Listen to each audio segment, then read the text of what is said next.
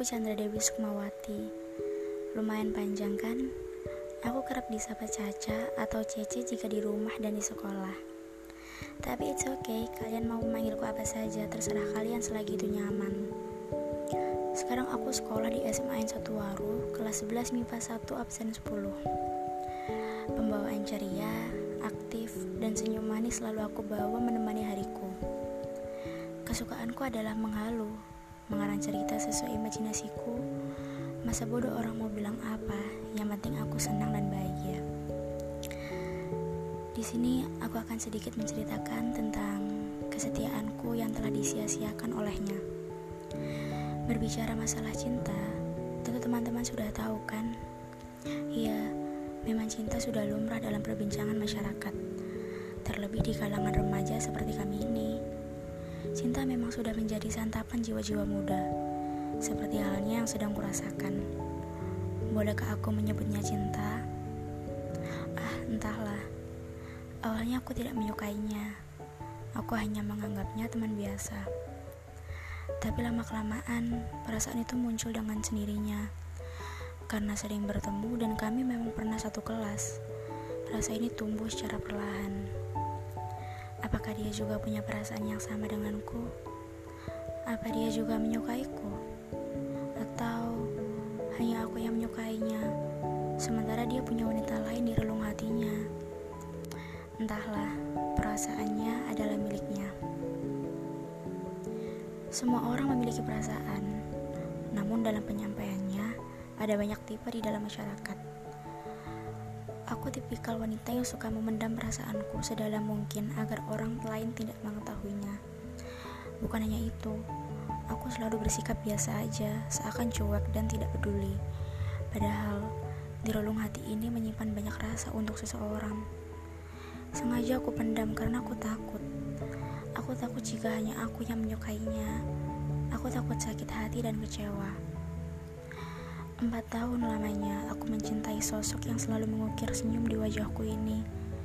Bahkan kau tak pernah membiarkan butiran bening keluar dari mataku. Hari-hari yang sangat menyenangkan kulewati bersamamu. Sampai tiba-tiba, entah apa yang membuatmu pergi menjauh meninggalkanku dengan cerita yang menggantung. Hari demi hari kuhabiskan hanya untuk memandangmu dari kejauhan melihatmu asik tertawa lepas dengan mereka. Tanpa aku sadari, tetesan air yang terasa hangat meluncur membasahi pipiku.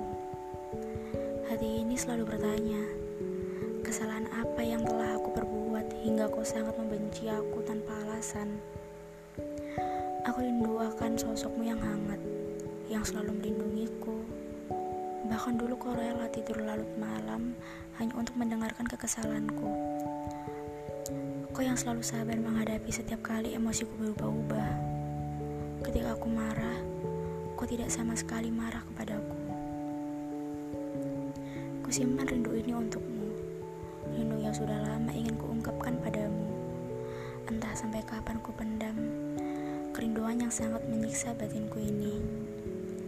Kuharap kau kembali datang, walau hanya sekedar memberi sapa. Jika kau bisa begitu tenang tanpa ada aku, mengapa aku tidak selalu bisa? Ada beberapa hal yang hanya pantas untuk dilihat, hanya untuk dipandangi ke keindahannya saja, bukan untuk dimiliki. Bukan karena merasa pesimis tak mampu menjaganya, hanya saja semua itu sudah cukup untukku. Aku tidak menyesal, tidak akan pernah menyesali keputusanku waktu itu tentang aku yang memilih menyimpan rasaku untukmu, tentang aku yang menjadi seorang pengecut untuk tidak berjuang mendapatkan hatimu, tentang aku dan diamku dari sudut yang tak pernah kukira.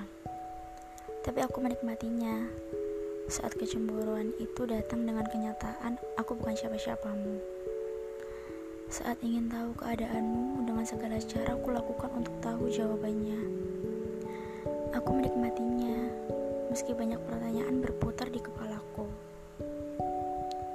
Aku ingin bertanya, bagaimana rasanya jika aku menjadi kekasihmu? Bagaimana rasanya jika dunia hanya ada aku dan kamu? Tapi aku tak tahu dan tak pernah berani bertanya. Aku tak pernah tanya perasaanku pun tak pernah aku tunjukkan. Mungkin aku hanya ingin menjadi malaikat tak bersayapmu. Ada, namun tak perlu kau tahu. Tapi bisa kau rasakan jika kau mau. Untuk kamu, seseorang yang aku jaga dari jauh, yang aku tandai dalam hidupku, yang selalu ada ketika senja membelah cakrawala memberi warna untuk sayap-sayap patahku. Terima kasih telah mendengarkan sedikit cerita dan isi hatiku. Semoga kamu tahu, dan semoga kamu bisa membalasnya untukku.